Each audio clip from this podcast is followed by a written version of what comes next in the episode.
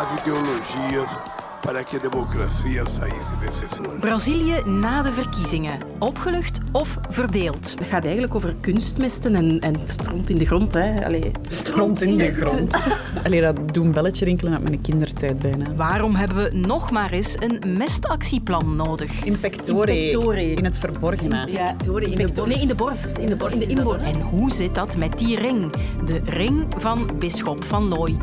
Geen Lode of Sophie vandaag. Ik ben Katrien Boon en ik leid je vandaag door dit kwartier. Welkom.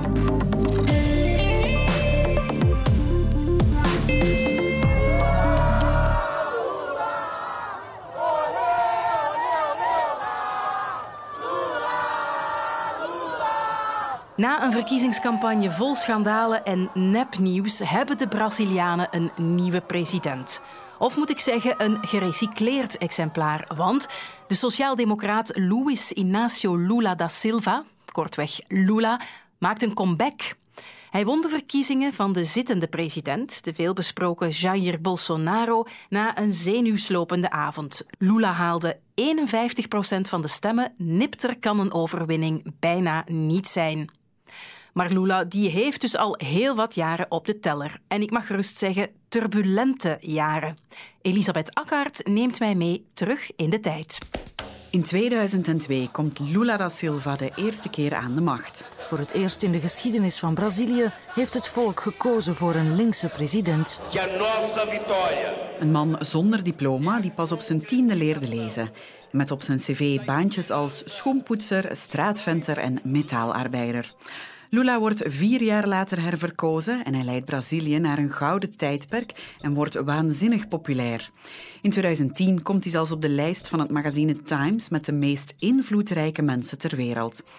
Maar in 2018 wordt Lula veroordeeld. Tot een gevangenisstraf voor corruptie en witwassen. En hij moet naar de gevangenis. Eu acompanho o relator para também denegar a ordem pleiteada. Hij krijgt 12 jaar cel, maar na 19 maanden komt hij al vrij, wanneer het Hoge Rechtshof zijn veroordeling nietig verklaart. Die zweem van corruptie is rond Lula blijven hangen en zal hij wellicht ook deze derde ambtstermijn blijven meedragen. Annelies, Annelies. Wij zitten hier. Zo gezellig. Zet u. Echt podcast. Hoi. Hoi. Annelies Beck, welkom. Jij bent helemaal thuis in Brazilië. Ja, met zo'n uitslag. Zitten wij nu met een land dat letterlijk verdeeld is in twee kampen? Absoluut een land dat, zou je kunnen zeggen, op basis van waarden uit elkaar is gespeeld. Op een manier over hoe je denkt over hoe je een goed mens moet zijn. Er is een cultuuroorlog gestart die mensen heel ver uit elkaar gedreven heeft. Al moet ik er ook bij zeggen dat het niet zo is dat die 50-plus procenten die voor Lula hebben gestemd, echt per se voor hem gestemd Ah, nee. hebben, maar ook wel tegen Bolsonaro en vice versa. Ja, de afgelopen vier jaar heeft die Bolsonaro daar geregeerd. Wat ik mij vooral herinner, dat zijn die hele pijnlijke tafereelen tijdens de coronacrisis, het racisme, de homofobie, bijna dictatoriale trekken van die man. Wat voor land heeft die Bolsonaro eigenlijk achtergelaten nu? Ja. Voor alle duidelijkheid, alles wat je opzond, racisme, homofobie, dat soort zaken, die waren al aanwezig in Brazilië. Het is niet zo dat hij dat geïnjecteerd heeft. Hij heeft iets gecapteerd wat in die maatschappij ingebakken zit. En mensen die op bepaalde vlakken vonden van ja, ik kom niet aan mijn trekken of wat ik vind wordt blijkbaar niet serieus genomen. Bijvoorbeeld dat homofilie misschien niet zo vanzelfsprekend is voor heel wat mensen. Dat heeft hij aangezwengeld, zeg maar. Maar het kwalijkste volgens mij is dat het vertrouwen in de instellingen is ondermijnd. Doordat hij ordendiensten inzette in zijn eigen voordeel, het leger weer aanhaalde. Dat heeft de prille democratie die Brazilië is echt wel schade toegebracht. Ja, en dan denk ik, ja, ga daar maar aan staan als linkse president. Wat kan Lula doen en wat gaat hij doen? Het zal geen makkelijke opdracht zijn waar hij voor staat om ja, de armoede die onder Bolsonaro door het dak is gegaan, om die weer weg te werken, mensen aan het werk te krijgen, ook weer te investeren in onderwijs en cultuur, civil society, iets wat Bolsonaro ook allemaal heeft terzijde geschoven of ontmanteld. Dat moet Lula weer allemaal, of wil hij weer allemaal terugdraaien. In welke mate is het voor ons belangrijk wie daar aan de macht is en wat er daar speelt? Het is belangrijk vanwege het Amazonewoud dat daar ligt. Dat natuurlijk een enorme rol speelt in de hele klimaattransitie. Onder Bolsonaro is daar meer ontbost dan in 15 jaar het geval was. Lula, dat viel me op gisteren in zijn speech of vannacht, heeft expliciet gezegd dat hij openstaat voor internationale samenwerking, ook om Amazone te beschermen. En dat valt op omdat ook Lula heel lang heeft gevonden van de wereld moet ons niet zeggen hoe wij Amazone runnen. Dat is van ons. En nu staat hij daar wel voor open, dat viel mij zeer op. Sowieso een goede zaak, ook voor biodiversiteit, noem maar op. Het zal ook niet makkelijk zijn, want de agro-industrie is daar een zeer machtige lobby. Maar dat is al één zaak waarom het belangrijk is om te weten wie is daar aan de macht en met welke bedoelingen. Op zijn minst dus boeiende tijden die eraan komen voor Brazilië en de wereld. Dankjewel Annelies. Met heel veel plezier. Dit weekend hoorde ik plots weer een woord dat al opduikt sinds mijn tienertijd. Het nieuwe mestactieplan van Vlaams minister van Omgeving. Zogenaamde mestactieplan 7. zegt dat haar voorstel voor een nieuw mestactieplan nog te bespreken valt. Het mestactieplan, daar is het weer, was mijn eerste reactie. Want het is lang niet de eerste keer dat er zo'n plan op tafel ligt. Binnen de Vlaamse regering is oneenigheid ontstaan over het mestactieplan. Een zwart beeld, zo omschrijft Isabel Vertrist van Agalef Vlaanderen en Nederland in zaken mestoverschot. Vlaanderen doet daar te weinig aan. Te veel nitraten, dan zitten we dus bij de mestproblematiek. Heel Vlaanderen voeren boze boerenactie tegen het mestactieplan van de Vlaamse milieuminister Norbert de Batselier. Meer dan 30 jaar geleden, in 1991, viel het woord voor het eerst. En ondertussen zitten we al aan mestactieplan nummer 7.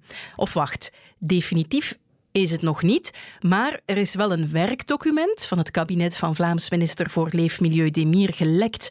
En daarmee is het debat weer helemaal terug. Wat is dat eigenlijk voor een plan? En waarom hebben we het nodig? Dat zijn vragen voor Lisbeth Franke, professor in de landbouw- en milieueconomie aan de KU Leuven. Vraag 1. Wat is het mestactieplan? Ja, dat mestactieplan is eigenlijk gericht aan eh, de Europese nitraatrichtlijn. In Europa is er een nitraatrichtlijn en die bepaalt hoeveel stikstof en fosfaat kan toegevoegd worden aan een gewas eigenlijk. En dat wordt dus via bemesting toegevoegd. In Vlaanderen wordt die Europese nitraatrichtlijn dan vertaald in het mestactieplan dat aangeeft van oké, voor een bepaald gebied, met een bepaalde soort bodem en een bepaald gewas dat daar groeit, hoeveel mest mag daar toegevoegd worden? Dus hoeveel mest zijn er, hoeveel fosfaat en stikstof mag toegevoegd worden? Vraag 2. Waarom hebben we zo'n mestactieplan nodig? De reden dat er zo'n nitraatrichtlijn is, wat is in Vlaanderen vertaald is in een mestactieplan, is dus omdat ja, als je te veel mest gaat toevoegen, te veel fosfaat, te veel stikstof, dan gaat de plant dat niet volledig kunnen opnemen. Gaat dat eigenlijk uitgespoeld worden naar je grondwater, naar je oppervlaktewater, zijn de uw rivieren.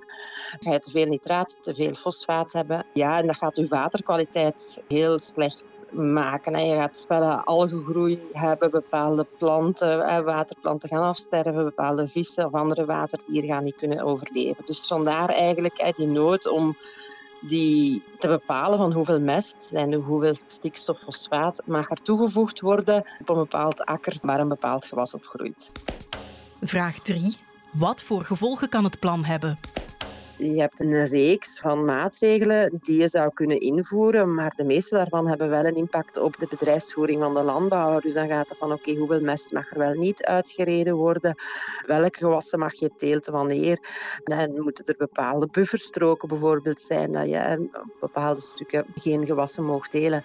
Ja, en dat heeft natuurlijk een rechtstreekse impact op het zijde inkomsten. Als je op een bepaalde stroken langs water lopen bijvoorbeeld niks mag teelten, ja, dan doe je daar geen gewas, heb je van dat geen inkomsten.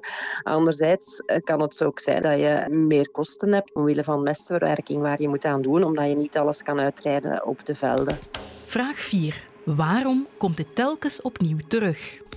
Enerzijds heb je ook wel voortschrijdend inzicht van, van welke maatregelen werken goed, welke niet. Ja, en anderzijds hadden we misschien al wel gehoopt dat het ondertussen al veel beter gesteld was met onze waterlopen. Dat is niet het geval, dus moeten we blijven acties ondernemen. En ja, daarom wordt dat eigenlijk telkens opnieuw ingevoerd. En ik vermoed dat we nog veel meer mestactieplannen in de toekomst gaan hebben. We gaan natuurlijk zorg moeten blijven dragen voor ons milieu. Vandaar zijn die richtlijnen nodig. En zullen we dat wel de hele tijd een beetje moeten bijschaven. Enerzijds rekening houden met wat de kwaliteit is van onze waterlopen. En anderzijds welke meer inzicht dat we op termijn krijgen van wat wel werkt, wat niet werkt misschien in bepaalde gebieden waar we zien het slecht blijft, dat men daar wat strenger wil zijn. Ja, dat we daar eigenlijk aanpassen aan hoe de situatie op terrein is en de kennis die we daaromtrent hebben.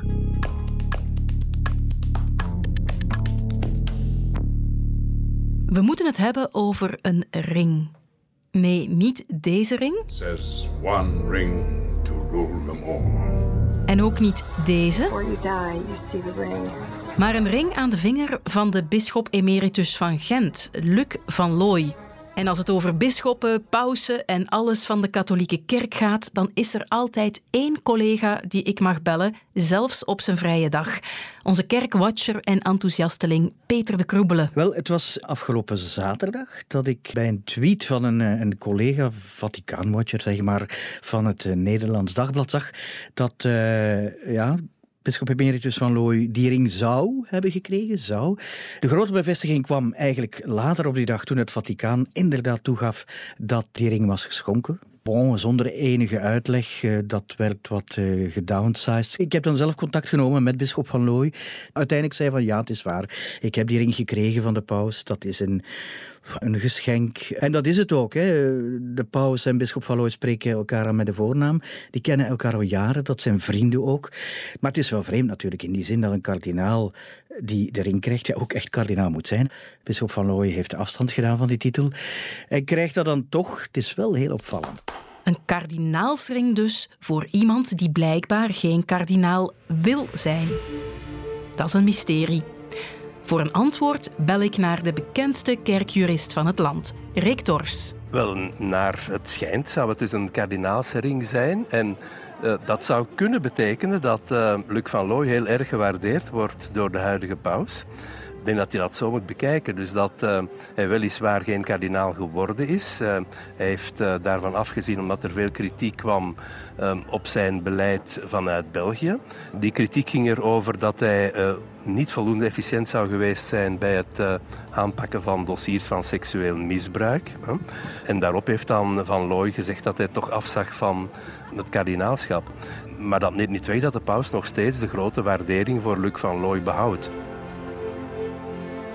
In theorie heb je daarnaast nog de mogelijkheid dat uh, Luc van Looy kardinaal in pectore zou geworden zijn. Dus alleen maar in het hart en in gedachten van de paus zonder dat het naar boven komt officieel.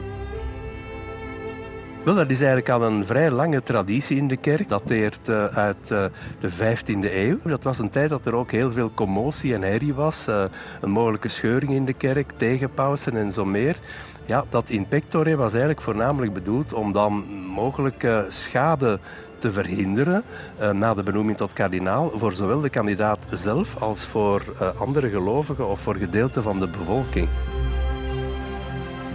Deze eeuw was het vooral in de in de situatie van het communisme, um, waarbij bijvoorbeeld in China of in de Oostbloklanden onder het Sovjetregime heel wat kardinalen in pectore zijn gecreëerd. Onder andere kardinaal Tomasek in uh, Tsjechoslowakije is in 1976 nog tot kardinaal in pectore gecreëerd, omdat anders de schade voor de betrokkenen of voor de gelovigen in Tsjechoslowakije groot zou kunnen zijn geweest.